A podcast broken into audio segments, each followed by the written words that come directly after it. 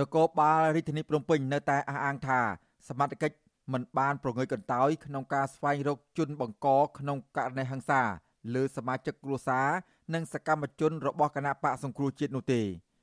អ្នកនាំពាក្យនៃស្នងការដ្ឋាននគរបាលរាជធានីភ្នំពេញលោកសានសុកសីហាថ្លែងថា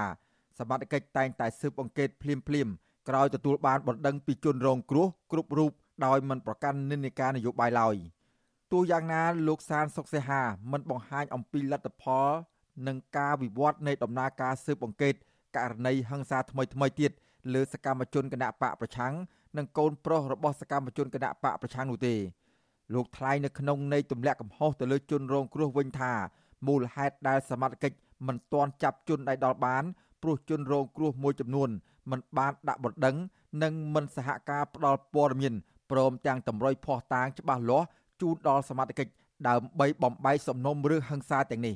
ដូចខ្ញុំបញ្ជាក់ដែរថាការងារមិនប្រកាសថាយើង100%នឹងការងារនឹងរកបានលឿនឆាប់ឬក៏មិនបញ្ហាសំខាន់គឺទីសងលើការបំភ្លឺហើយនឹងការស្រាវជ្រាវជាក់ស្ដែងខ្ញុំបញ្ជាក់មិញយ៉ាងទី1គឺតកតងនឹងការបំភ្លឺថាតើការបំភ្លឺនឹងមានការលាក់លៀមអត់គាត់បំភ្លឺស្មោះត្រង់មួយសមត្ថកិច្ចអត់ខ្លះណាគាត់រឿងគំនុំគាត់រឿងផ្ទាល់ខ្លួនរបស់គាត់ហើយគាត់លាក់លៀមគាត់អត់បំភ្លឺទេគាត់គឺជាបំភ្លឺថាអូគាត់អត់ដែរមានគំនុំម្ដែរវិញទី2ទៅពេលយើងទទួលបានហើយសមត្ថកិច្ចយើងតែងតែធ្វើការតាមជំនាញចុះស្រាវជ្រាវចុះសួរសាកសីចុះមើលកាមេរ៉ាមើលអីផ្សេងៗគឺយើងមានជំនាញក្នុងការស្រាវជ្រាវអនុវត្តការងារផ្ទុយពីការលើកឡើងនេះសកម្មជនគណៈបកប្រឆាំងនិងមន្ត្រីសិទ្ធិមនុស្សចាត់ទុកថាការឆ្លើយតបដដែលដដែលរបស់មន្ត្រីប៉ូលីសបែបនេះគ្រាន់តែជាលេសដោះសារប៉ុណ្ណោះព្រោះសមត្ថកិច្ចមិនបានបង្ហាញចំណាត់ការស៊ើបអង្កេតដែលគួរឲ្យជឿទុកចិត្តបាននោះទេ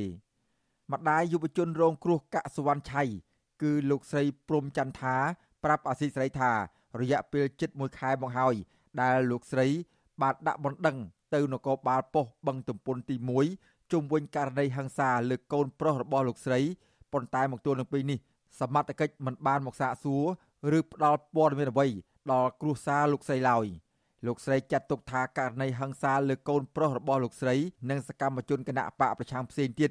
គឺជាការចាត់តាំងជាប្រព័ន្ធពីក្រុមណាមួយដូច្នេះហើយទើបអាជ្ញាធរមិនអាចរកឃើញជនល្មើសយកមកផ្ដន់ទោសបាន។ ឥឡូវខ្ញុំសួរថាវាយសកម្មជនសម្រាប់អកម្មជនគប់វាយដំទាំងអស់សួរថាមែនដែររកវែកមុខហេតុករឃើញអត់ដែលមានទេហើយខាងអាជ្ញាធរគឺត្រូវរហូតដល់ជាខុសទេបើសិនជាគាត់ចង់រកគាត់រកឃើញគាត់មិនរកមិនឃើញទេហើយសួរក្រុមគ្រួសារអ្នកនយោបាយទាំងមូលដែលមានទំនាស់មួយអ្នកណាគេមួយអត់មានទាំងអស់ហើយសកម្មជននយោបាយឲ្យទៅរវងរបួសដល់ដល់ដំណំគឺដូចដូចគ្នាគ្មានខុសគ្នាសោះគឺក្បាលគប់ដុំថ្មវាដំដំបងគឺត្រូវដូចគ្នាហើយតែអាជ្ញាធរចាប់បានម្ដងអត់មានទេហើយហាឡើងទៅតែអត់ទៅប្តឹងអត់ទៅប្តឹងអ្ហ្មងខ្ញុំទៅប្តឹងអ្នកខ្លះក៏អត់ប្តឹងព្រោះគាត់អត់មានទំនុកចិត្តលើអាជ្ញាធរព្រោះតែប្តឹងក៏រកមិនឃើញដដែលយុវជនកសវណ្ណឆៃអាយុ16ឆ្នាំ គឺជាកូនរបស់សកម្មជនគណៈបកសង្គ្រោះជាតិលោកកកកំភៀ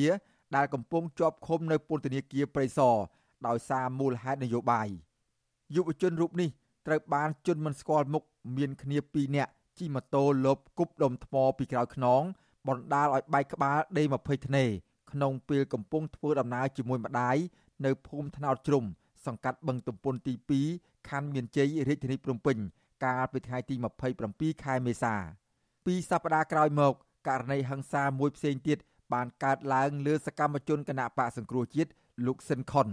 ជនមិនស្គាល់មុខមានគ្នា4នាក់ជិះម៉ូតូ2គ្រឿងបានព្រួតគ្នាវាយលោកនៅចំណុចផ្សារដើមស្រល់ជិតវត្តចាស់នៅព្រឹកថ្ងៃទី12ខែឧសភា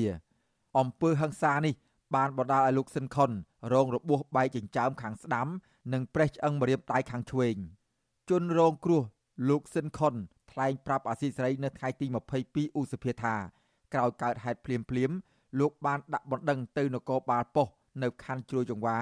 ហើយថ្មីថ្មីនេះនគរបាលបានហៅលោកទៅជួបបានពីរដងហើយដើម្បីពិនិត្យមើលវីដេអូកាមេរ៉ាសវត្ថិភាពនៅកន្លែងកើតហេតុទោះបែបនេះក្តីជនរងគ្រោះរូបនេះមិនសង្ឃឹមថា នឹងទទួលបានយុត្តិធម៌នោះទេព្រោះសមត្ថកិច្ចបញ្ជាក់ថាវីដេអូកាមេរ៉ាទី1ថតមិនជាប់ស្លាកលេខម៉ូតូរបស់ជនល្មើសហើយកាមេរ៉ាមួយទៀតត្រូវបានម្ចាស់ផ្ទះមិនអនុញ្ញាតឲ្យឆែកមើលនិងចាប់រូបភាពមិនបានជាដើម បាទបើសិនជាតាមមើលវីដេអូនៃកាមេរ៉ាសុវត្ថិភាពហ្នឹងហើយមើលលក្ខណៈសម្បត្តិរបស់ជនដៃដល់ហ្នឹងប្រហែលជាអាចខ្ញុំគិតថាអាចបងព្រោះថាកាមេរ៉ាសុវត្ថិភាពមិនមែនតែហ្នឹងទេយើងមើលកាមេរ៉ាហ្នឹងហើយយើងអាចទៅមើលនៅកាមេរ៉ាផ្សេងទៀតដែលផ្លូវតែមួយដែលពួកជនដៃដល់ហ្នឹងគាត់ជិះរត់ដែរបងពួកគាត់វាយហើយគាត់ជិះតាមផ្លូវបដ ாய் ហ្នឹងគិតត្រឹមថ្ងៃទី22ឧសភាមានសកម្មជនគណៈបកសង្គ្រោះជាតិនិងសាច់ញាតិរបស់ពួកគេជាង30នាក់ហើយ ដែលត្រូវបានជន់មិនស្គាល់មុខលួចវាយដំបណ្ដាលឲ្យរបួសធ្ងន់ធ្ងរហើយជន់រងគ្រោះខ្លះបានធ្លាក់ខ្លួនពីការអស់មួយជីវិត ក្នុងចំណោមករណីហិង្សាទាំងនេះ មានតែមួយករណីប៉ុណ្ណោះគឺនៅខេត្តកំពង់ឆ្នាំងដែលសមត្ថកិច្ចបានចាប់ខ្លួនជនដែលដល់ចំនួន3នាក់ទៅដាក់ឃុំក្នុងពន្ធនាគារបណ្ដោះអាសន្នជនរងគ្រោះមួយចំនួនទៀតមិនត្រឹមតែមិនទទួលបានយុត្តិធម៌នោះទេថែមទាំងត្រូវបានជន់ល្មើស លួចវាយប្រហារផ្ទួនផ្ទួនគ្នាពីរលើក និងជនរងគ្រោះខ្លះទៀតថែមទាំងត្រូវបានអាជ្ញាធររបបក្រុងភ្នំពេញចាប់ឃុំខ្លួនក្នុងពន្ធនាគារថែមទៀតផងជុំវិញរឿងនេះនាយករងទទួលបន្ទុកផ្នែកឃ្លាំមើលនិងការពារសិទ្ធិមនុស្សនៃអង្គការលីកាដូលោកអំសំអាតមានប្រសាសន៍ថាការស្វែងរកភ័ស្តុតាងដើម្បីឈានទៅរកចាប់ខ្លួនជនល្មើសគឺមិនមែនជាទួនាទីរបស់ជនរងគ្រោះទេប៉ុន្តែជាទួនាទីនិងកាតព្វកិច្ចរបស់សមាជិកពាក់ព័ន្ធ លោកបន្តថាការទម្លាក់កំហុសលើជនរងគ្រោះថា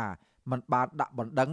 ឬមិនសហការផ្ដល់ភ័ស្តុតាងជាដើមនោះ គឺជាការកិច្ចចេញពីការទទួលខុសត្រូវក្នុងនាមជាមន្ត្រីដែលមានសមត្ថកិច្ច។ យើងឃើញការលើកឡើងកន្លងមកថាការវាយដំឬក៏អំពើហិង្សាទៅលើអតីតកម្មជនគណៈបកប្រឆាំងនេះវាជារឿងការរើសអើងនិន្នាការនយោបាយអញ្ចឹងហើយបានគេថាអ្នកដែលប្រព្រឹត្តនឹងកម្រនឹងឃើញមានការចាប់ជូនទៅអនុវត្តតាមផ្លូវច្បាប់ឬក៏ផ្ដល់យុត្តិធម៌ដល់ជនរងគ្រោះនឹងគឺជាការលើកឡើងកន្លងមកអញ្ចឹងបើសិនជាបន្តនៅវប្បធម៌នីតិរដ្ឋភាពដែលมันអាចរកអ្នកដែលប្រព្រឹត្តបានយកទៅអន្តរជាតិតាមផ្លូវច្បាប់អញ្ចឹងมันអាចបញ្ឈប់នៅ អំពើទាំងអស់នឹងបានទេវានឹងកើតមានបន្តទៅទៀតកន្លងមកក្រុមអង្គការជាតិនិងអន្តរជាតិរួមទាំងអង្គការសហប្រជាជាតិផង បានចេញសេចក្តីថ្លែងការណ៍ព្រួយបារម្ភជាបន្តបន្ទាប់ចំពោះអំពើហិង្សាលើសកម្មជនគណៈបកសង្គ្រោះជាតិជាញឹកញាប់នេះនិងចាត់ទុកថាករណីទាំងនេះគឺជាការធ្វើទុកបុកម្នេញផ្នែកនយោបាយដែលត្រូវបញ្ឈប់ជាបន្ទាន់ចំណែកក្រុមសកម្មជនគណៈបកសង្គ្រោះជាតិវិញ ពួកគាត់លើកឡើងថា ការបណ្តែតបណ្តោយឲ្យជនល្មើសបន្តរស់នៅក្រៅសំណាញ់ច្បាប់បែបនេះធ្វើឲ្យពួកគាត់ជាជនរងគ្រោះរស់នៅជាមួយភាពឈឺចាប់និងការភ័យខ្លាច